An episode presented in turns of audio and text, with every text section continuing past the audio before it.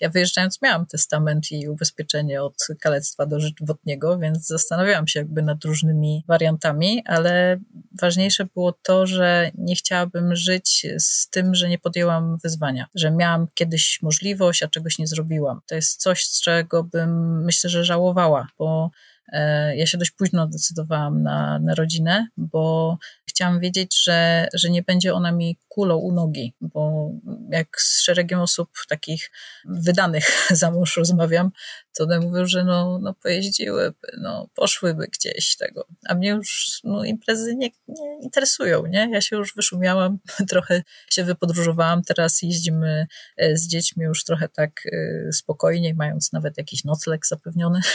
Każdy ma swój czas na różne rzeczy.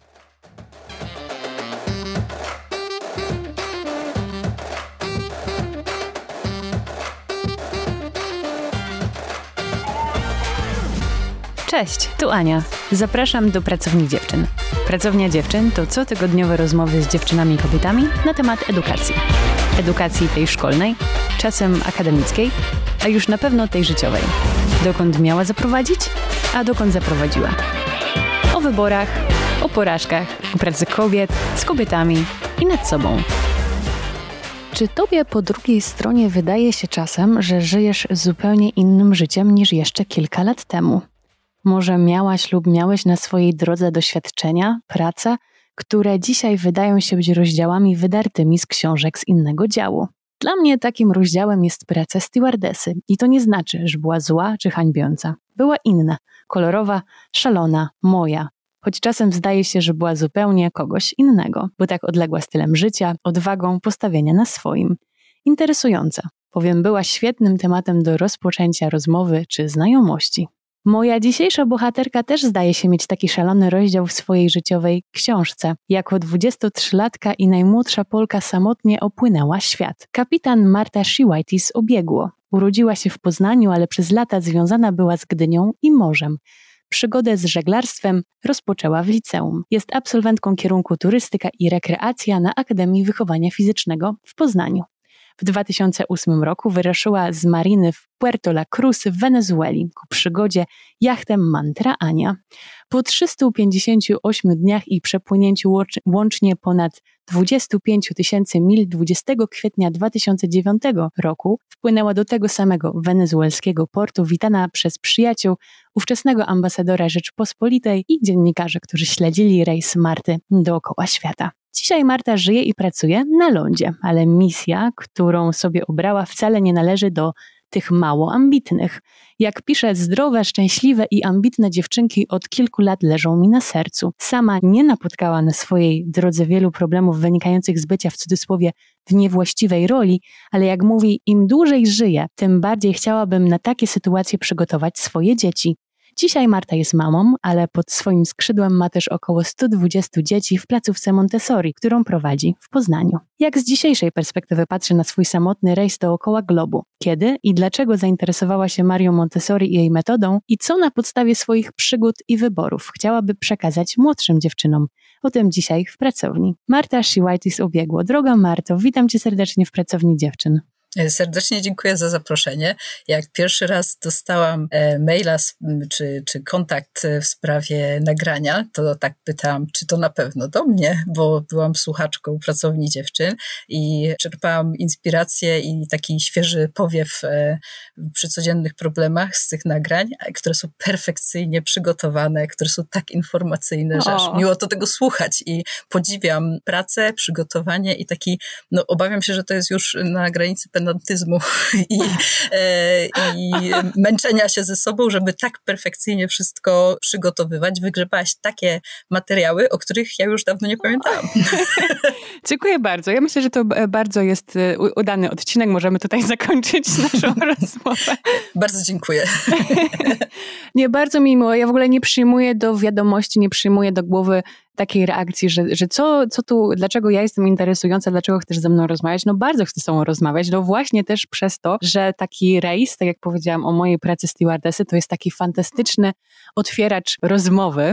I moje pierwsze pytanie, zanim trochę cię przemagluję o dzieciństwo, twoje podejście do nauki, o naukę, edukację i tak dalej, To odnosząc się do tego intro, powiedz mi proszę, jak ty patrzysz na ten swój rejs? Czy to też jest tak, i, i, i żeglarstwo w ogóle, czy to też jest tak, że czasami ci się wydaje, że to jest nie twoje życie, że to jest jakiś taki randomowy, losowy rozdział? I tak i nie. To jest coś, co mnie zbudowało, co mnie nauczyło podejmować decyzje, co jest moim naturalnym sposobem radzenia sobie y, z kłopotami, e, rozwiązywania trudności, brania odpowiedzialności, e, wchodzenia w sytuacje, e, w których to ja decyduję, takiej całej jakby struktury bycia i życia jednak no, nie pływam od dłuższego czasu. Jak, jak byłam już w pierwszej ciąży, sprzedałam jacht, który był moją oczkiem w głowie, bez większego szlochania. No i wiedziałam, że po prostu dla dzieci to nie jest, y, nie są warunki, choć mam znajomych, którzy wzięli obowiązek nauki na siebie i pływają z dziećmi. Te dzieci no, społecznie rozwijają się troszeczkę inaczej, za co są y, no, spektakularnie wykształcone, jeśli chodzi o geografię, języki, historię i wszystko, co można przekazać w takim budującym, dobrym otoczeniu. Szkoła życia, prawda? Tak, ale jeśli chodzi o relacje, czy zmianę znajomości, czy niestałość pewną, to nie chciałabym tego fundować dzieciom, dlatego no, rozważamy z mężem, że któregoś dnia może kupimy udziały e, w takiej maszoperii, że będziemy mieli, nie wiem, w cztery pary e, jacht, dzieląc się e, czasem, no ale na razie siedmiomiesięczne dziecko na morzu to nie jest dobry pomysł. Aha, no dobra, ale nie wykluczacie takiego scenariusza, takiego kontrolowanego powrotu i takiego ogarniętego, nie takiego szalonego powrotu do wody. Tak, tak, bo to jest cudowne oderwanie. Jednak ten, ten, ten off-grid, gdzie e, nie ma zasięgu, gdzie nie, mogło, nie możesz podjechać i czegoś załatwić, to jest e, coś nie do powtórzenia. A brakuje ci dzisiaj morza? Tak jakbyś miała na chwilę zapomnieć, e, nie wiem, czy to nie jest jakaś herezja, jak każe matce zapomnieć na chwilę o, o dzieciach. czy brakuje tobie morza, takich samotnych przygód, może czasu na przemyślenia, refleksje? Tak, i dlatego nauczyłam się jakby zasypiać z dziećmi koło ósmej, wstawać koło drugiej, mieć czas dla siebie tak do piątej, szóstej, jeszcze mm. się zrzemnąć i iść do pracy. Więc, Nocny Marek. Tak, normalnie chodziłam spać bardzo późno, teraz jestem wykończona i łapię każdą chwilę, żeby się e, zdrzemnąć, ale żeby pobyć samemu, móc poczytać czy, czy myśleć po prostu abstrakcyjnie, to potrzebuję tej samotności koniecznie, a potrzeba ucieczki, żeby raz po raz się znaleźć e, samemu na morzu, to obawiam się, że mnie nigdy nie opuści, e, tylko jakby poczucie obowiązku w tej chwili mam lepiej rozbudowane. A myślałaś kiedyś może skąd się, e, skąd się wzięła taka pasja, czy taka ciągota do morza? Bo ty urodzona jesteś w Poznaniu, prawda? Oprócz Rusałki, Malty, to tam morza nie ma. Nie? Znaczy pierwszy kurs y, ten jachtowy robiłam w Kiekszu i później dopiero stwierdziłam, że to w ogóle mielizny, widoczny drugi brzeg i tego typu sytuacje no, są niedopuszczalne. Nie? I y, jakby robienie więcej jak jednego zwrotu na trzy dni to też jest jakieś dziwne, nie? Y, więc wolałam to żeglarstwo morskie z Gdyni pochodzi jakby moja rodzina i też dzieciństwo tam e, spędziliśmy, dopóki nas nie trzeba było do szkoły oddać już w miejscu e, zameldowania, czyli w Poznaniu. I tam jest inne powietrze, tam, tam jakby nie ma smogu, tam e, jest mało deszczu, jest najwięcej słońca. W Polsce to jest cudowne miejsce na ziemi.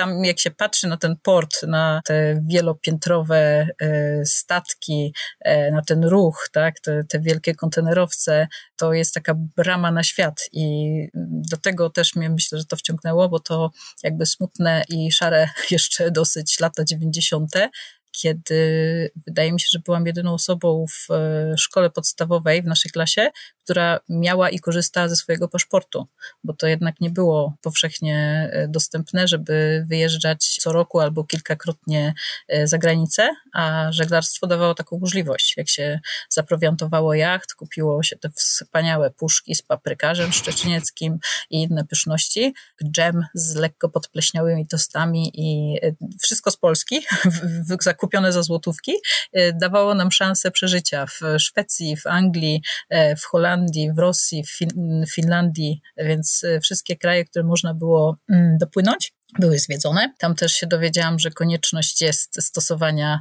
e, języka, którego, co zmienił się nauczyciel e, angielskiego, to była nowe wprowadzenie gramatyki, nowe wprowadzenie gramatyki, więc e, mhm. stwierdziłam, że ta nauka trochę inaczej powinna wyglądać i, i tam możliwość poznawania ludzi żyjących gdzie indziej, inaczej ubranych, inaczej myślących, czytających inne książki, śmiejących się z innych żartów. To było takie tolerancyjne zderzenie, jak na tamte czasy inne. Mnie wszystko, co dziwne, inne bardzo interesuje.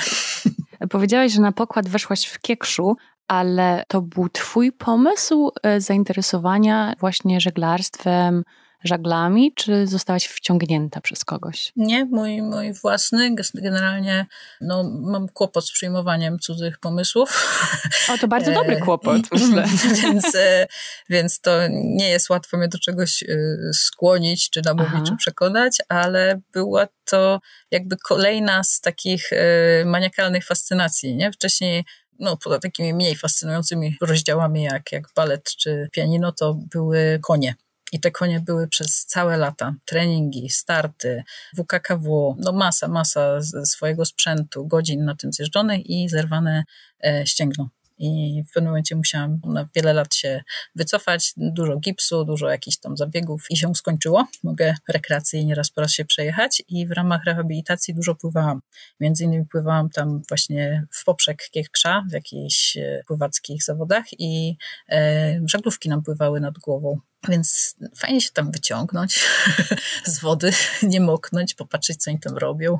I to było takie pierwsze e, spotkanie zawsze ta woda była ważna, no, że uprawnienia można robić, że tu jest dużo takich mm, technicznych smaczków, tak jak w alpinizmie, nie? Są te wszystkie e, gadżety i, i sposoby i techniki i tak dalej. Tak w żeglarstwie jest też tego masa, jakichś węzłów, elementów locji, nawigacji, więc to bardzo jest ciekawe. No, zaczęłam się tego uczyć, robiłam staże na rejsach e, po Bałtyku, po Morzu Śródziemnym. E, w krótkim czasie zaczęłam prowadzić rejsy już na zupełnie innym sprzęcie, bo w Polsce to były jeszcze takie z lat 70. Silnik na pewno się zepsuje, najlepiej nie używać. E, żagle wielokrotnie cerowane z bardzo dużym problemem, żeby je wytrymować.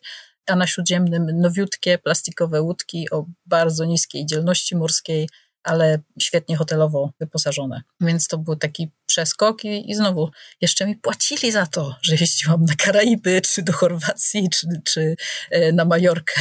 Więc to Żyć było coś nie umierać. niewyobrażalne, nie? Tak, i, i przez wiele lat te integracje, imprezy, w pewnym momencie no, młody biznes był taki dość szalony i oni jeździli na rejsy broić, coś tam sobie udowadniać i no, ludzie po dyskotece albo w jakimś tam niekoniecznie stanie do uprawiania sportu, no było mi ciężko z nimi.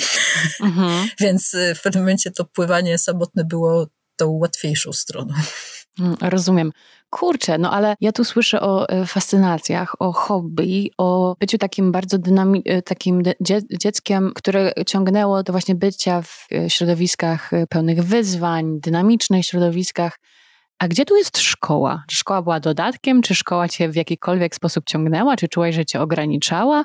Czy lubiłaś się uczyć? Jak to było z tobą? Lubiłam się uczyć, a tym, którzy chcą się uczyć, szkoła nie przeszkadza. Raczej nie, nie uważam tego za pomoc, bo system edukacji pozostawia wiele do y, życzenia, ale to jest fakt, że było mi bardzo ciężko wstać w poniedziałek po treningach, po wyjazdach, po regatach i wracaniu z nich e, nocnym pociągiem, więc e, były góry, sporo ruchu, sporo przygód, żeby skorzystać z tego czasu. Ale nie uczyłam się źle, nie były to dla mnie jakiś przykry obowiązek. Z własnej woli poszłam do szkoły, bo mam dwa lata starszego brata i jak on dostał odznakę, plecak i został uczniem, to mm, stwierdziłam, że to jest niesprawiedliwość, bo do, dotychczas traktowano nas na równi. Mieliśmy te same obowiązki, te same zadania. Ja umiałam czytać i pisać w tym wieku pięciu lat, więc zrobili mi badania gotowości. No wtedy się psychologiczną jakby gotowością nikt nie przejmował. No i poszliśmy do tej samej klasy. A. Dlatego nie wiem, czy to wyłapałaś, ale ja miałam 22 lata kończąc studia. Taki przypadek, nie? A co szkoła pozostawia do życzenia? Powiedziałeś, że szkoła pozostawia wiele do życzenia. System takiego czekania na swoją kolej, zgłaszania To, że nauczyciel ma władzę właśnie nie z autorytetu, nie z wiedzy, nie z pasji, nie z chęci przekazywania wiadomości, tylko pomoże wypisać uwagę tak jak w każdej organizacji są, są świetni pracownicy i są bardzo kiepscy rzemieślnicy. I przy tych głodowych pensjach i warunkach pracy, to no nie dziwię się, że specjaliści poszli do prywatnych albo zmienili branżę, żeby się nie frustrować podstawą programową. No, wymaga to gruntownej reformy. To nie są już czasy, kiedy uczymy się na pamięć, tak? Bo ostatnia osoba, która pojęła całą wiedzę, to gdzieś e, czasy renesansu, nie? A w tej chwili nie mamy takiej możliwości, więc jedyne, czego możemy się nauczyć, to jakiegoś synkretyzmu, umiejętności poszukiwania, łączenia danych, e, posiadania własnej opinii, sprawdzania, a nie zapamiętywania, w którym roku usmarł który król. Ty weszłaś bardzo, bardzo mocno w, w ten temat edukacji przez swój wybór właśnie dzisiejszej pracy, tego czym się dzisiaj zajmujesz, ale gdybyś miała taką możliwość wprowadzenia zmiany systemowej, tak od razu, co tak bardzo cię uwiera, albo co myślisz, że, czego myślisz, że brakuje, co byś chciała, gdybyś mogła, to byś wprowadziła? No oczywiście system montessoriański. Mamy taki moment, że oddaliśmy sporą grupę dzieci, z którymi byliśmy bardzo związani, bo stawiały u nas pierwsze kroki w żłobku, a teraz poszły do szkoły, więc rozumiesz, że mamy e, tutaj syndrom opuszczonego gniazda i, i tego typu problemy. Dzieci nas odwiedzają, rodzice mówią, że jest problem z integracją, z tym poziomem wyzwań, e, z jakością materiału, e, ze sposobem komunikowania się, z, z tym brakiem szacunku dla dziecka, czy różnicami w grupie, że jedne są na etapie szlaczków, a te czytają książki jedna za drugą U nas jest materiał kreatywny. Dawniej dzieliło się osoby na e, wzrokowców, słuchowców. Okazało się po drodze, że są kinestetycy, no i to są ci niegrzeczni. Ich też da się uczyć, tak? Tylko trzeba do tego e, sporo kosztownego materiału i e, odpowiedniego przygotowania kadry, żeby ich zainteresować. Tak, ale też zrozumienia tego, że ktoś się uczy w ruchu, prawda? Albo że że tak, lubi tupać tak. nóżką. Więc tutaj jakby y, sam y, system tych y, klas, tak? W momencie, kiedy ktoś jest ze stycznia, ktoś jest z grudnia, czy przedwcześnie urodzony z niską masą po jakimś tam, nie wiem, kilkumiesięcznym zapaleniu płuc, no to te dzieci się różnią fizycznie ogromnie i tylko dlatego, że są z jednego rocznika, powinny być w jednej grupie. No nie wydaje mi się, nie? Więc y, u nas jest możliwość mieszania klas i doboru tej grupy do predyspozycji i możliwości dziecka, a nie według rocznika. Więc one się uczą przez y, takie fazy wrażliwe, że w pewnym momencie dziecko samo pyta, a co jest na tym znaku, a co to za literka na rejestracji, a jak napisać mama. I w tych momentach, kiedy one wykazują swoją własną naturalną ciekawość, my ich powinniśmy wspierać y, w poszukiwaniu. I w ten sposób się buduje tą motywację wewnętrzną, a nie grzeczność. Ja to mówię z przekąsem, bo to jest słowo, które mi bardzo działa na nerwy, bo no nie ma grzecznych, niegrzecznych, nie? I to jest y, źle używane w ogóle y, słowo i mówienie dzieciom, że mają być grzeczne, to znaczy jakie? Bez własnego zdania.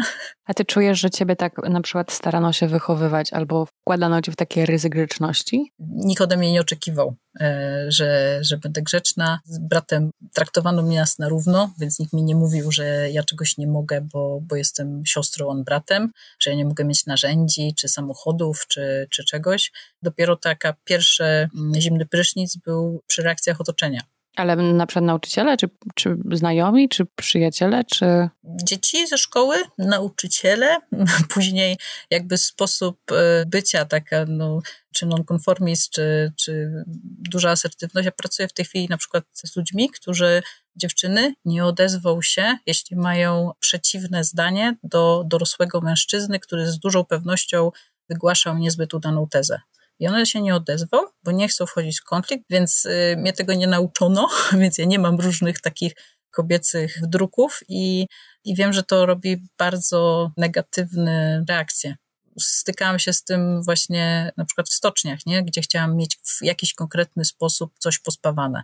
I wiesz, dwudziestolatka, opalona blondynka idzie i mówi nie tak, pod tym kątem, bo to będzie miało inaczej przynosić siły. Ściągacz działa tutaj i tu i patrzy na ciebie taki pan, który zawsze spawa i ty mi tu nie będziesz. No właśnie, jak cię odbierano? Masz jeszcze jakieś inne takie historie, sytuacje, kiedy płynęłaś e, samotnie wokół globu i właśnie były jakieś problemy, albo schodziłaś na ląd, żeby na chwilę nie wiem, odpocząć? Dużo było takich reakcji, że jesteś właśnie na, nie na miejscu, że to jest dziwne? No dużo, dużo, bo na przykład celnicy mówią, że samotnie pływają tylko mężczyźni i to są jacyś popoprani dziwacy. I co robi ładna dziewczyna w samotnym rejsie? Czy twoi rodzice się na to zgodzili, gdzie jest twój mąż. W zasadzie, że ktoś powinien być właścicielem kobiety. Na wyspach na przykład muzułmańskich to ich też oburzało, że ja mam środek transportu. Tam kobieta nie może prowadzić nawet skutera, a już w ogóle posiadać. To pełen jacht.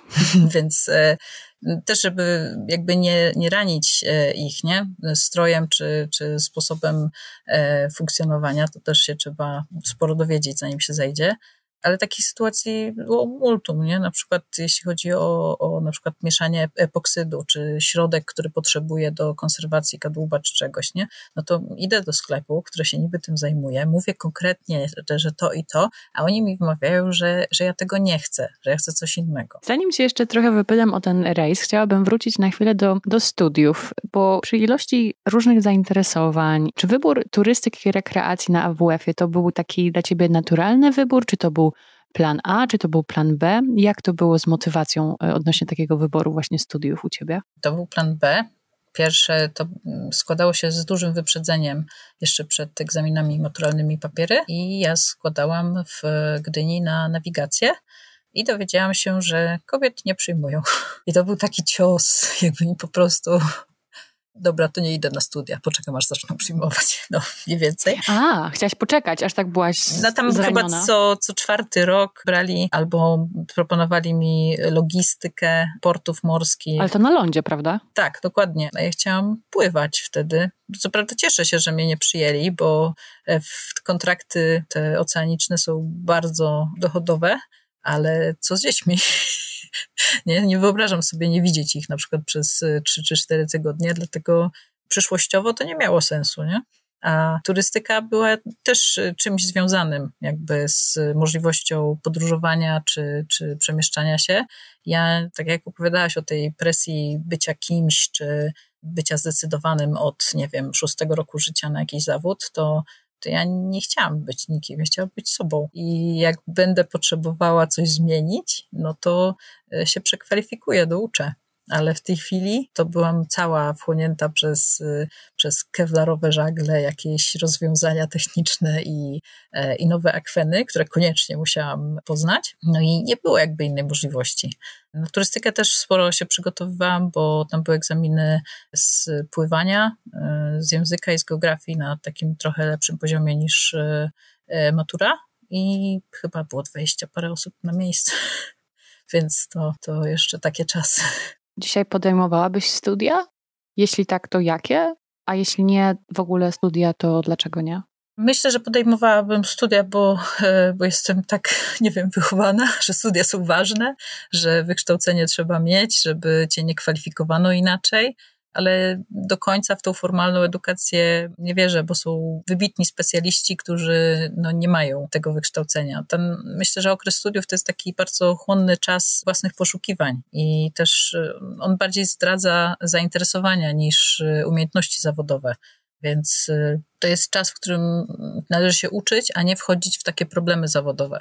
Od czasu, kiedy ktoś jest całkowicie na własnym utrzymaniu, martwi się y, o rachunki, o całą tą organizację, to ta możliwość takiej abstrakcyjnej nauki, poszukiwań z elementem błędu no, kończy się, nie? Bo jednak trzeba na koniec miesiąca wszystko popłacić, więc y, warto ten czas y, przeciągnąć na dorabianie sobie, szukanie tych doświadczeń y, zawodowych, ale głównie uczenie się. Na jaki kierunek bym poszła, nie wiem. Ja zaczynałam później jeszcze prawo, i później jeszcze zarządzanie nieruchomościami. No, skończyłam ten kierunek związany z y, zarządzaniem produktem i te elementy jakby y, kwantyfikowania czy ekonometrii mi zostały. Y, mhm. I no, nie zamierzam pracować w biurze podróży. A ty, ty miałaś gdzieś na swojej drodze, spotkałaś takich y, właśnie nauczycieli czy nauczycielki, takie przewodniczki, przewodników, gdzie możesz powiedzieć, że, że ktoś się tak tobą zaopiekował albo cię poprowadził? Tak, spotykałam wybitnych ludzi, nie tylko w roli nauczycieli, ale też w różnych innych sytuacjach, którzy z jakiegoś powodu poświęcali mi e, sporo uwagi i czasu to czasem wyglądało jakby na, na negatywną uwagę, bo potrafili mi na przykład 16 pał postawić, bo się nie starasz. Co? bo starcie na więcej, bo ocena staje się, że ma wyrażać postępy ucznia a nie stan wiedzy. Więc ja no, robiłam tyle, co trzeba, tyle, co inni. Nie wszystko mnie interesowało. Nie uważam, że to źle. Tak, więc za moich czasów to jeszcze było tak, że piątkowy uczeń miał same piątki. Ja byłam bardzo dobra z matematyki, e, z fizyki, ale chemia mi nie leżała. Wszystko powinno ci leżeć. Wszystko. Właśnie mi nie leżała. No, lubiłam tam wlewać te wszystkie odczynniki, żeby robić jakieś drobne e, wybuchy, no ale te, te, tam wszystkie metody uzyskiwania soli czy kwasów, no proszę was. No. A powiedz mi proszę, jaki wpływ na ciebie, jeżeli chodzi o takie czy wskazówki, czy poprowadzenie taką dobrą ręką, czy wiara może w Twoje możliwości i poczucie jakiejś takiej sprawczości y, miał pan Andrzej Armiński? No, to jest mistrz świata. Może powiedz pokrótce, bo ja tak wprowadziłam, że nic nie powiedziałam, kto to jest. To jest właściciel stoczni, projektant i budowniczy mantry, który prowadzi tą stocznię w Szczecinie i e, sponsorował trzy tury kobiecych rejsów dookoła świata. Jest oazą spokoju, wybitnym technikiem, obliczeniowcem, projektantem, człowiekiem z niezwykłą wizją, który bardzo mało mówi.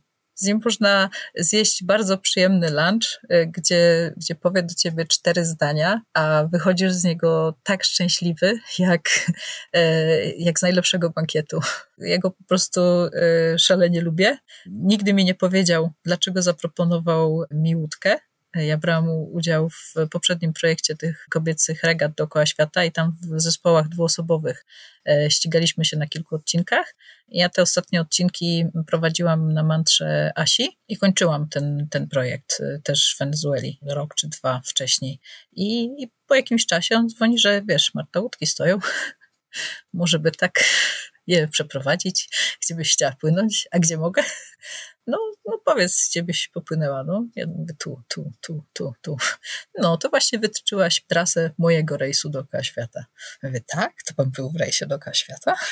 No więc osoba dająca tak szerokie pole do, do poszukiwań, popełniania błędów, nie krytykująca, nie oceniająca, to jest jego sprzęt, tak? Wart kwadratowe pieniądze, a tam jednak jakiś masz się ruszał, jakiś silnik był przegrzany i trochę błędów narobiłam i nigdy mi złego słowa nie powiedział. Czy było tam jakieś takie zaufanie, że jak weźmiesz tę mantrę Anię w podróż dookoła świata, to wiesz, co robisz? Być może, no.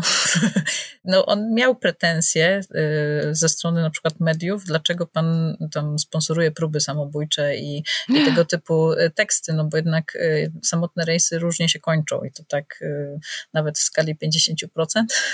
Ja wyjeżdżając miałam testament i ubezpieczenie od kalectwa dożywotniego, więc zastanawiałam się jakby nad różnymi wariantami, ale ważniejsze było to, że nie chciałabym żyć z tym, że nie podjęłam wyzwania, że miałam kiedyś możliwość, a czegoś nie zrobiłam. To jest coś, z czego bym myślę, że żałowała, bo e, ja się dość późno decydowałam na, na rodzinę, bo chciałam wiedzieć, że, że nie będzie ona mi kulą u nogi, bo jak z szeregiem osób takich wydanych za mąż rozmawiam, to one mówią, że no, no pojeździłyby, no poszłyby gdzieś tego, a mnie już no, imprezy nie, nie interesują, nie? Ja się już wyszumiałam, trochę się wypodróżowałam, teraz jeździmy e, z dziećmi już trochę tak e, spokojniej, mając nawet jakiś nocleg zapewniony każdy ma swój czas na różne rzeczy. Czyli dobry taki management czasu u ciebie. Wiedziałaś, musiałaś wiedzieć, czego chcesz.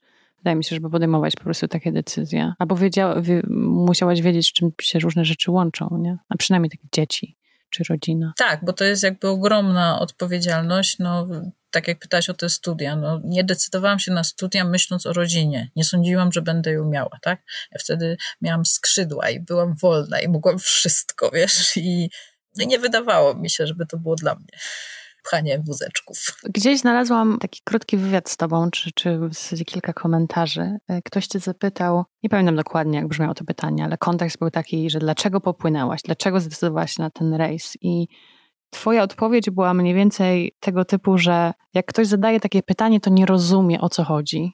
No jasne, że Dlaczego tak. się pytanie? I właśnie z jednej strony zrobiło mi się tak przykro, bo może to był jakiś, wiesz, uczeń dziennikarstwa czy uczennica dziennikarstwa i zrobili wtopę, czy, czy powinęła się noga, ale z drugiej strony ta odpowiedź mi tak zaimponowała. To jest myślę też kwestia tego, jak definiujesz odwagę. No, słucham. A myślałaś o tym, jak się do tego przymierzyć? To znaczy, dla mnie to jest nieodłączne ze strachem, ale to jest coś w środku, co cię ciągnie.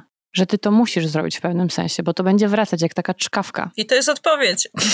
Wydaje, wydaje mi się, wydaje mi się, że jakby, że, że zawsze się boimy albo no może nie wszyscy się zawsze boją, ale... Powinniśmy się bać, bo to znaczy, że to jest odpowiedni poziom stymulacji. Wykraczamy lekko poza swój poziom komfortu. Lekko. Rozwijamy się. No nie wiem. tak, bo no, to nie jest brak strachu, to jest przezwyciężanie go. To jest jakby pozytywne myślenie o sobie, że spróbuję. Nie musi mi się to udać, ale sprawdzę. A ty myślałaś kiedyś w czasie twojego rejsu, że się nie uda? Było parę takich podbramkowych sytuacji, gdzie mogło się to źle skończyć i miałam telefon satelitarny z jakimś tam kartą na 15 minut rozmowy i nawet się zastanawiałam, czy to jest fajnie zadzwonić do kogoś w nocy się pożegnać, więc stwierdziłam, że może lepiej nie. Więc warunki były różne, i ja myślałam o tym, czym jest jakby doświadczanie samotnej śmierci, umieranie w wodzie, patrząc na oddalający się jacht, z którego się wypadło i, i tak dalej, i tak dalej, ale wiedzieć, jakie są zagrożenia i zachowywać się w miarę bezpiecznie, nie? A są takie wspomnienia miłe, może niemiłe, może właśnie takie przełomowe, do których ty sobie wracasz czasami, prowadząc inne życie zupełnie lądowe? Tak, takie na przykład jak, jak zmęczenie. jak y, dopływałam do Australii, to, to było chyba trzy czy trzy i pół doby na nogach i tam trzeba było w pewnym mm, czasie, przy pewnym ustawieniu słońca przejść przez rafę barierową i później przez tor podejściowy, który no, co chwilę zmieniasz kurs, więc y, latasz od, od mapy do namiernika, od locji do, na pokład i, i biegasz w tej z powrotem, tak? I, I robisz kawę za kawą, pijesz Red Bulla za Red Bullem, masz piach pod powiekami, trzęsie cię z zimna przy, przy 20 paru stopniach, nie? jesteś po prostu już zmęczona i nie masz jak zrobić przerwy, bo co chwilę y, musisz zmieniać kurs. Jest duży ruch statków i e, płytka woda dookoła albo rafy, w które się można ładnie wbić i trzeba dojechać do końca. Więc takie doświadczenie tego zmęczenia, nie? To jest, myślę, że wiele mam ma, jak dzieci ząbkują, a w ciągu dnia trzeba jeszcze posprzątać i, i coś zrobić, to nie śpi się prawie w ogóle. Ja jestem na to wrażliwa dosyć, więc potrzebuję sobie pospać i w tym rejsie to była naprawdę skopana sprawa. To spanie po 20 minut to dobrze, że człowiek był młody i głupi. Biedny mózg. Ja sobie myślę w ogóle o wpływie na, na mózg, jaki ma taki, e, taki nieogarnięty tryb spania w ogóle. Podobno Leonardo da Vinci tak spał, że on trzymał pęk kluczy e, w ręku i w momencie, kiedy mięśnie puszczały, to znaczy, że wpadał w tą kolejną fazę e, snu i że już zapewnił sobie jakąś regenerację. I mu brakowało właśnie czasu na, na pracę i, i to wystarczało mu, żeby się zdrzemnąć. I on podobno nie spał nawet 4 godzin dziennie takim systemie. Ja nie znam e, biografii Leonardo da Vinci. Mam wielką nadzieję, że był szczęśliwym człowiekiem prowadząc taki swój styl życia. Z takim snem. Ale powiedziałaś o tym zmęczeniu i o tym, o tym, że mamy znają takie zmęczenie, czy ząbkowanie, młode dzieci, płacze w nocy i tak dalej. Jeszcze dodatkowo wcześniej mówiąc o tym, że chciałaś się wyszaleć i zrobić różne rzeczy, żeby, żeby potem móc mieć rodzinę, e, może i właśnie nie wyrzucać sobie, że czegoś nie zrobiłaś, że nie byłaś wolna, nie, nie wykorzystałaś swojego czasu.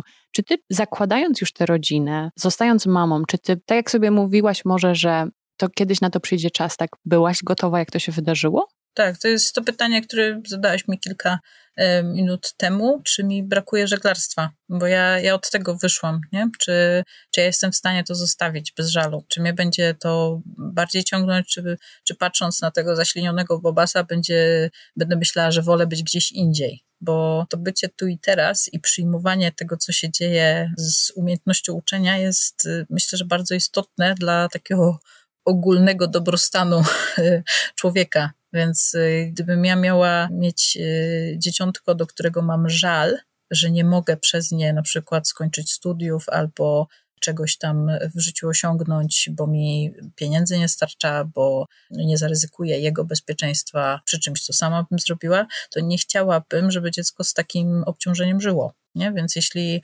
powołuje się takiego człowieka na świat, no to my mamy mu zapewniać, dawać odpowiednie środowisko do wzrostu, a nie ono nie realizuje naszych potrzeb. O, w ten sposób, tylko my jego. To co, powiedziałabyś, że macierzyństwo cię nie zaskoczyło? Y, no nie, bo ja miałam na karcie w szpitalu napisane stara pierworódka, nie? Więc to był jakby ostatni y, moment i ja nie, nie planowałam przez wiele lat y, jakby rodziny. Ja nigdy sobie nie wyobrażałam, że, że w moim dniu ślubu to, to coś tam, nie? To, to jakby był obcy temat. Ja w momencie, kiedy zostałam postawiona przed taką sytuacją z osobą, która wydawała mi się no, odpowiednia pod, z podobnymi jakby potrzebami też późnego posiadania rodziny z różnymi osiągnięciami wcześniejszymi, to, to był pierwszy moment, kiedy zaczynało, zaczęło się to składać. A wcześniej to absolutnie nie było czegoś takiego, że aha, poziuziałabym coś małego i w ogóle. I jak ty z perspektywy właśnie mamy, takiej sprawowania takiej pieczy nad, nad dzieckiem, nad młodym tworem, nowym pokoleniem. Jak ty patrzysz na edukację swoich dzieci? No właśnie między innymi przez, przez edukację moich dzieci trafiłam na te wszystkie cudowne Instagramy i blogi jak Kosmos dla dziewczynek, czy Wychowanie dziewczynek, czy pracownię dziewczyn, bo tak jak syn jest starszy, miałam zostać mamą, to stwierdziłam, że okej, okay, trzeba go wychować dla żony, żeby był dobrym, odpowiedzialnym ojcem, żeby był serdeczny dla swoich dzieci, żeby brał udział w obowiązkach domowych i, i mam cudownie e, empatyczne, takie, takie kochane, no słodkie dzieciątko, synka.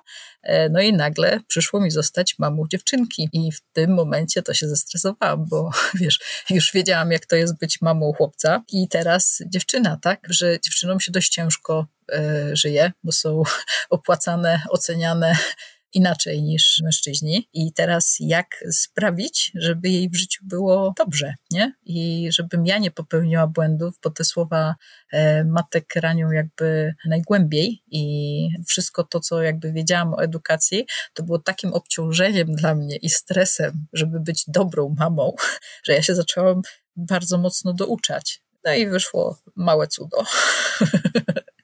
jest, jest takim małym harpaganem po prostu. O. Ona chce i ona idzie, ale ty nie umiesz chodzić, ale ona idzie. Super. więc, y, więc to jest y, siedmiomiesięczny bąk, który uciekł opiekunce i schował się w drugim pokoju, także do mnie zadzwoniła, że nie wie, gdzie jest.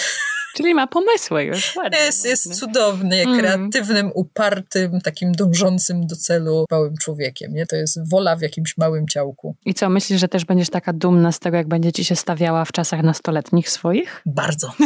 Jest taki żarcik właśnie w, w pedagogice, że chciałabym, żebyś była asertywna, wierzyła w swoje możliwości i odporna na stres, ale nie jak jesteś dzieckiem. Więc e, kłopoty, jakich dostarczają dzieciątka i, i prywatnie, i zawodowo, liczymy im na plus. Na zasadzie, że umiejętność e, podkreślania jakby swoich e, potrzeb czy umiejętności więc komunikowanie tego i przyzwyczajanie ich, że to jest ok, że, że mamy też te trudniejsze emocje, nie tylko te radosne, to jest dla nich, myślę, że coś do przodu, że będzie im łatwiej. Z tego strachu zostania mamą, mamą córki. E, córki. Mamą córki, wyobrażasz sobie, jaka to odpowiedzialność. No, to jest ciekawe, bo um, jakiś czas temu moi znajomi zostali e, rodzicami i czy to jeszcze było zanim się, zanim się urodziło, czy już po, chyba zanim, chyba zanim i um, usłyszałam, a to z ust akurat mężczyzny, że chłopca to się jak to, jak to było? Że chłopca to się łatwiej wychowuje właśnie. Tylko zaczęłam się zastanawiać, czy to, e, my już potem mieliśmy taką du dużą dyskusję na ten temat i wydawało nam się, doszliśmy do wniosku potem, że się Chyba jednak nie. Że, chłop, że, że nie powinno tak być, a się wielu chyba wydaje, że po prostu że chłopcy się jakoś tam wychowują, że oni nie płaczą, że po prostu w takim o może Boż. też praktycznym, wiesz, pra praktycznym po prostu obejściu z tym dzieckiem, że dziewczynce trzeba dać o wiele więcej, czy społeczeństwo mówi, że dziewczynce trzeba dać o wiele więcej, um, o wiele więcej uwagi, że ona płacze, że, że, że wiesz, że to nie jest z nią tak łatwo jak z chłopcem, a chłopiec tam się jakoś wychowa.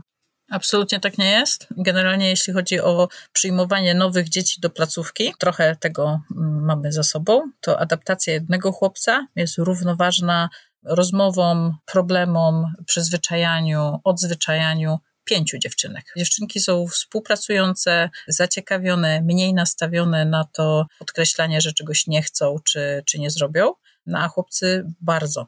I żeby tego nie, nie dusić w nich, ale w jakiś łagodny sposób ich przyzwyczaić do, do norm, do, do sposobu funkcjonowania w grupie, to wymaga bardzo dużo pracy. Więc chłopców się jakby no, pod kątem chorób czy mm, emocji wychowuje ciut ciężej, za to no, dziewczynki trzeba skłaść nacisk, żeby one y, pokazywały co mają za uszami, nie? Żeby też wyrażały swoją wolę, żeby też się e, odzywały. Właśnie to jest kluczowe w tym środowisku edukacji, żeby grupa nie była oceniająca, czy nastawiona na jakąś rywalizację, bo w takim środowisku no, nikt nie chce wypaść, no, niemądrego zadając pytania. A jeśli my możemy kwestionować rzeczy, zadawać pytania, pogłębiać, my możemy doprowadzać nauczycieli do tego, żeby sami się przyznali, że czegoś nie wiedzą, ale dla nich sprawdzą, to to jest bardzo cenne. Też rzecz, która mnie potwornie boli, że materiały edukacyjne, e, zabawki rozwojowe e, są głównie dedykowane chłopcom, a dziewczynki dostają e, lalki, suszarki do włosów, jakieś plastikowe palety kosmetyków, koraliki. Wszystko jak, w różu. Jak wejdziesz do, do jakiegoś e, sklepu i masz dział żeński, męski, no to masz e, bardzo czarno-czerwone e, samochody, którym można by odkręcić jakieś koło czy, czy jakieś narzędzi użyć i masz bardzo różowe zestawy małej fryzjerki. Więc to jest potworna indoktrynacja z którą się nie zgadzam. Staję w takich sklepach i głośno komentuję. Mówiąc do mojego męża, spójrz, przecież nie kupiłbyś jej tego, bo to co to ma robić? Ma wyglądać i nie myśleć i coś tam, i coś tam. Więc ludzie na mnie patrzą jak na e, szaloną, ale tak jest i mm, są statystyki, które mówią, że e, rodzice nawet w dużych miastach, są skłonni przeznaczać y, pieniądze na zajęcia dodatkowe chłopców, a nie dziewczynek. I że to jest nawet rzędu 80%. Dzieci, które biorą udział w zajęciach dodatkowych y, czy sportowych, to są chłopcy. Bo po co przecież kształcić te dziewczynki, skoro one i tak są brzuchem, który zostanie w domu. I tak samo te zabawki edukacyjne, takie y, rozwojowe, jakieś tam z eksperymentami i tak dalej. One są dedykowane chłopcom, i one kosztują tak o 50% więcej niż takie tradycyjne mm, zabawki jak wózeczek czy, czy misie. I te środki są przeznaczane na mężczyzn. Dlaczego? A powiedz mi, Marto, jak ty właśnie zostajesz mamą i zaczynasz czytać i interesować się, i jak poznajesz metodę, poznajesz Marię Montessori, poznajesz metodę wychowawczą Ma Marii Montessori, to jest jakby jedna rzecz. Zainteresowanie, też może zainteresowanie na własne potrzeby, może możliwość poprawienia jakich, jakichś błędów albo pójście trochę pod prąd, poszukanie narzędzi, ja będę wychowywać inaczej, y, czy to właśnie ponieważ uważam, że coś mogło być zrobione lepiej, czy zmieniły się czasy, czy może gdzieś mam jakieś y, swoje rany, które nie chcę, nie chcę, żeby zostały przekazane dalej pokoleniu. A jak to jest? No bo to jest jedna rzecz, a druga rzecz to jest otworzenie placówki dla dzieci i opieka nad ponad setką nad ponad setką dzieci. Jakby, czy tu jest jakieś takie poczucie misji? Przedszkole było dużo wcześniej i właśnie myśl o tym, że do jakiegoś czasu można dynamicznie działać samemu, a po jakimś czasie potrzebna jest struktura, która działa dla ciebie, tak? Realizuje twoje cele nawet jak śpisz, czy jesteś na urlopie. To jest coś, czego nigdy nie miałam, tak? Bo pracując 10 miesięcy w morzu, 24 godziny e, na dobę, będąc odpowiedzialnym za e, spóźnienia na loty, działanie silnika i wszystkie odprawy. Wszystko jest na twojej głowie, tak? I nie możesz e, się źle czuć i nie możesz zawalać, tak? Jak masz strukturę, masz e, choćby kilku e, pracowników i, i utworzysz pewne ramy działania, to wtedy to funkcjonuje dla ciebie nawet jak no, nie bierzesz w tym 100% aktywnego udziału. I ta, ta myśl o strukturze była takim no, następstwem, powiedzmy, dojrzałości i myślałam o mm, działalności, która jest w stanie mnie zaangażować, która była wystarczająco trudna, wystarczająco źle zrobiona, żebym y, chciała się w niej specjalizować. Wiesz, więc y, mówię z tych koni, gdzie no, miałam dobre osiągnięcia, po te jachty, gdzie miałam też niezłe osiągnięcia, y, po te przedszkole, gdzie to wymaga kierunek studiów to mało. żeby się nauczyć, jak to robić, y, jak to ma wyglądać, co ta edukacja ma dawać, y, jakie są prawdziwe cele kształcenia y, dzieci w wieku do 6-7 lat. To jest sporo pytań, jeszcze więcej odpowiedzi. Wspaniali współpracownicy. I to też jest coś, co mnie w tym trzyma jakość człowieka, z jakim mam przyjemność współpracować. Więc ja się uczyłam e, pedagogiki na cudzych dzieciach. Więc byli ludzie, którzy no, pewnie byli lepszymi harowcami od nas i z rozmów z, z nami, na dlaczego chcemy w taki sposób pracować, e, e, jakie mamy podstawy, co chcemy mm, realizować w ramach tych zajęć, zaufali nam. I to były pierwsze dzieci, które wykształciliśmy. Nauczyliśmy się o zdrowym żywieniu, o zabezpieczaniu potrzeb takich jak bezpieczeństwo, sen, żywność bez cukru, żeby te dzieci w ogóle były w środowisku, które zapewnia im możliwość nauki. Myśleliśmy o najlepszej e, możliwości poznawania przez, przez eksperymentowanie, przez własną wrażliwość, przez otoczenie ich e, materiałami edukacyjnymi. U nas nie ma zabawek. co wśród niektórych bardzo dziwi. No i po kilku latach pierwsze osoby to byli znajomi, kuzyni znajomych, yy, znajomi znajomych. Mieliśmy tam jedną grupę, potem dwie. Rozrastało się to, później podzieliliśmy to na różne formy rejestracji yy, z punktu jakiegoś klubu malucha po punkt przedszkolny, przez żłobek niepubliczny i przedszkole niepubliczne. Myślimy o szkole, więc, yy, więc to się rozrasta. Im więcej y, wiesz, tym więcej widzisz jakby potrzeb i po no, ilu czterech, pięciu latach, pięciu latach prowadzenia, to wydawało mi się, że coś wiem o dzieciach i zostałam mamą. I tak jak mówię, wydawało mi się. Wydawało ci się. Że co cię zaskoczyło mimo wszystko? Oprócz tego, że właśnie, że, że córka cię zaskoczyła bardziej niż syn. Jak sobie poradzisz? Jaką rolę ma bliskość? Bo masa jest tych teorii o, o higienie snu, o bezpieczeństwie, żeby tam nie przydusić dziecka i tak dalej. Żadne z moich dzieci nie chce spać w swoim łóżku. tak, nawet jeśli je odłożysz wieczorem, to zaraz po tym y, jest u ciebie. I one są jak małe kotki. To są takie, takie małe zwierzątka po prostu. I mamy w tej chwili łóżko 2,20 i jakoś się mieścimy, nie? Więc one są przyspawane do ciebie. To są twoje własne nerki, które wyhodowałaś w brzuchu, które chwilowo przebywają poza organizmem, nie? I, i te, te tam 4-5 godzin, co, co syn idzie do e, przedszkola, no to ja jeszcze zerkam na kamery, czy, czy jest mu dobrze, czy, czy już go nie odebrać. Więc mówię, ciężko mi się pracuje bo jakby zaangażowanie i, i, serce jest gdzie indziej, nie? No zobaczymy, czy będziesz odpuszczać, jak ci to będzie szło i żeby wyfruwały i wyfruwały z tego gniazda. Tak, powinny trochę mm, własnych, własnych kierunków obrać, ale im dłużej się tak ostrożnie z tym dzieckiem e, postępuje, tym ono jest silniejsze. Więc to, że, że ono coś robi z opóźnieniem, czy czegoś nie chce robić, to nie jest e, żaden problem. Nie? Ono się rozwija we własnym tempie e, i, i nad tym, nad czym ma potrzebę. A co ci daje praca z dziećmi i praca nad właśnie nad systemem w edukacji? Duże możliwości eksperymentowania. To jest takie nasze własne pole do doświadczeń.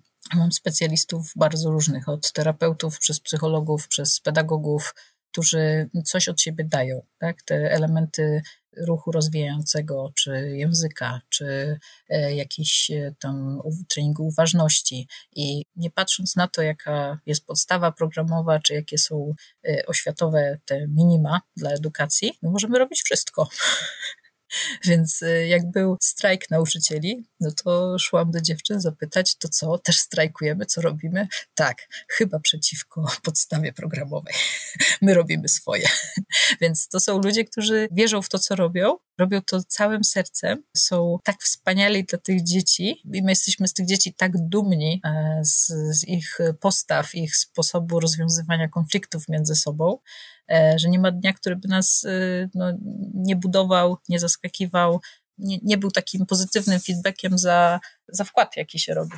Więc to praca z dziećmi, nie wiem, czy jest coś powtarzalnego, czy jest coś podobnego w ogóle do tego. Bo na morzu jesteś, jesteś sam, masz wieloryby, masz e, przygody i e, jesteś e, zadowolony, że, że dałeś radę, a tu dać radę to jest dopiero heroizm. Pięknie to powiedziałaś. A duma z samej siebie Znany koncept? Nieznany nie, nie, koncept? Jeszcze nie, daj spokojnie.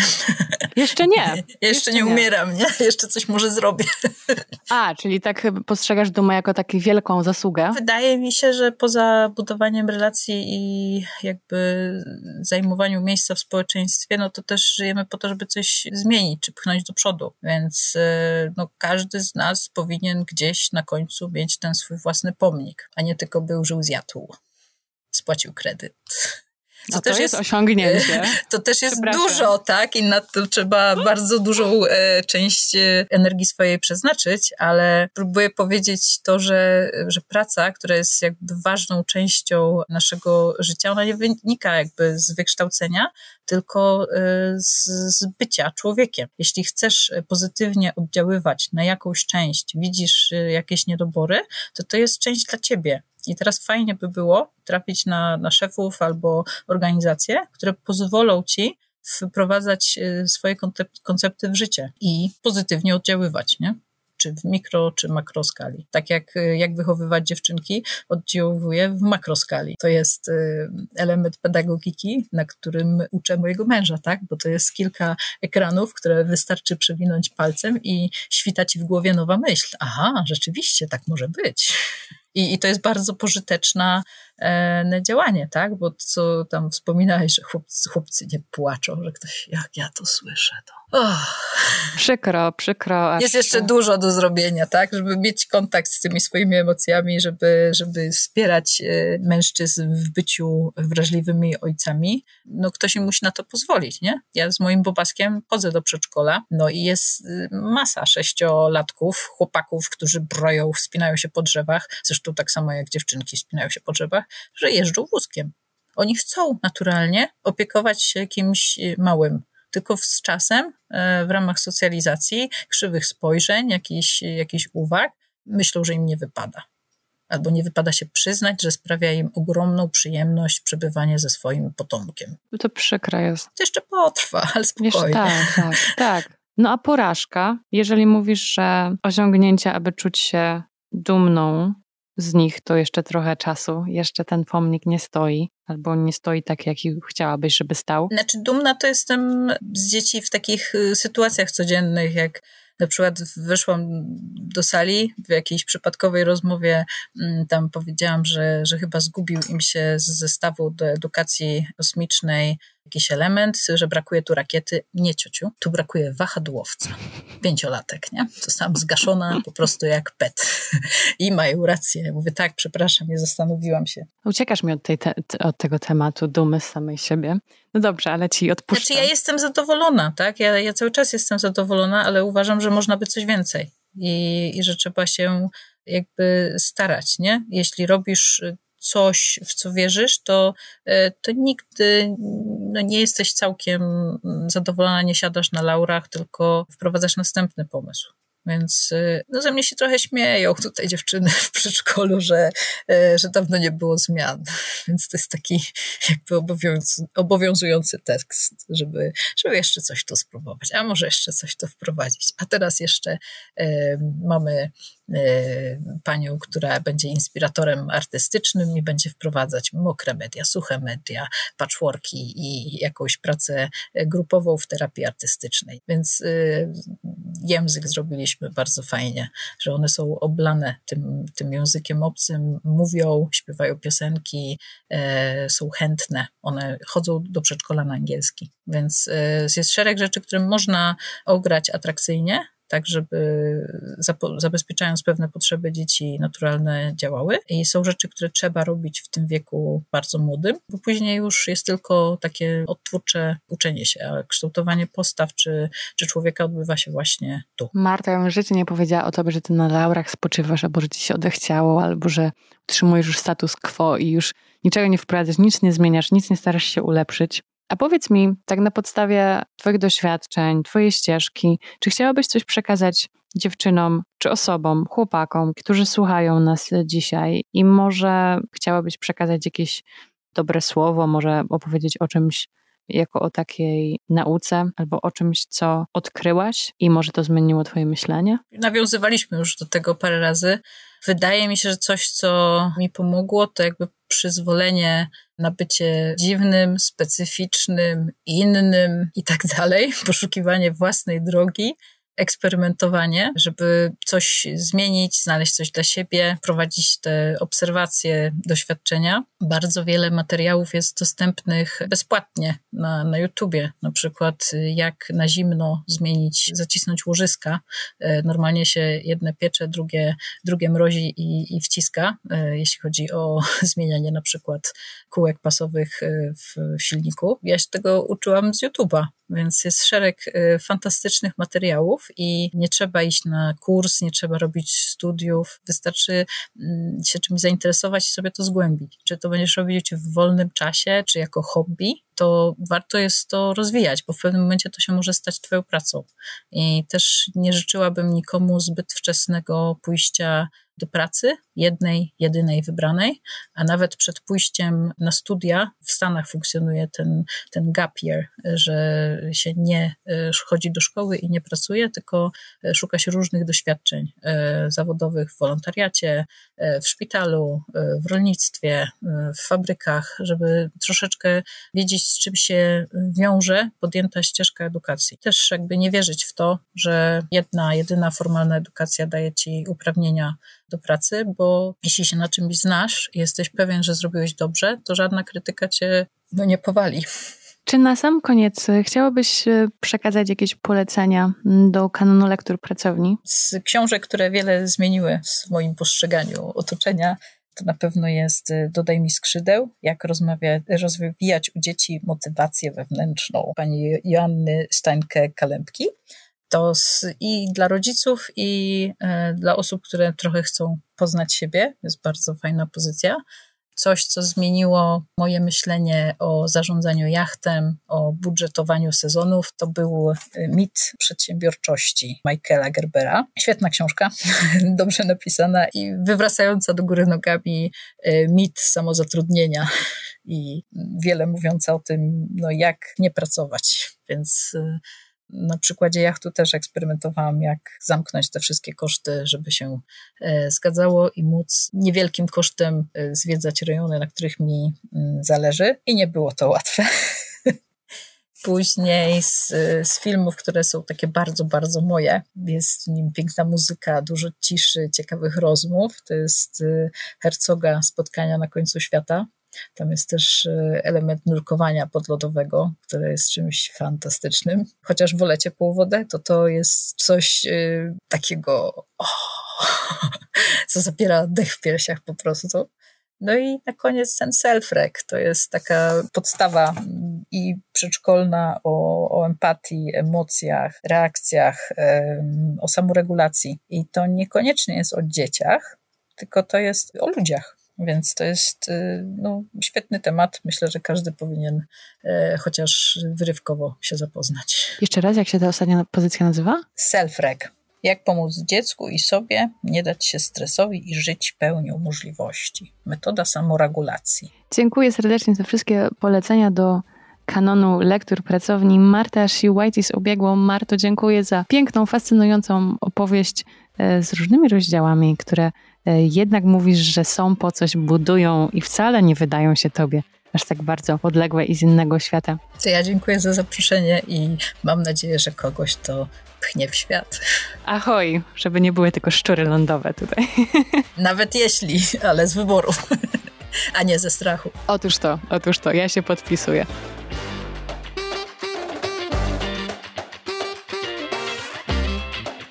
Więcej o rejsie Marty dookoła świata można poczytać na stronie internetowej mantra28.pl ukośnik Marta.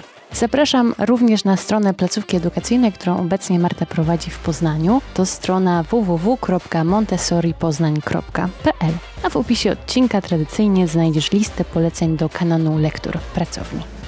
Dziękuję Ci za wysłuchanie tej rozmowy i zapraszam do podzielenia się nią z innymi, niezawodną pocztą pantoflową albo w mediach społecznościowych. Jeśli jest to Twoje pierwsze spotkanie z tym podcastem, wiedz, że pracownia jest na Instagramie, pracownia dziewczyn pod, POD, czyli od podcast ale jest też na Facebooku pod Pracownia Dziewczyn i na YouTubie. Zapraszam do subskrybowania Pracowni i tam. A jeśli chciałabyś, czy chciałbyś zaproponować potencjalną bohaterkę do jednego z przyszłych odcinków, czy po prostu napisać, podzielić się ze mną refleksją, możesz to zrobić wysyłając maila na adres pracownia dziewczyn podcast Do usłyszenia w kolejny czwartek. Cześć!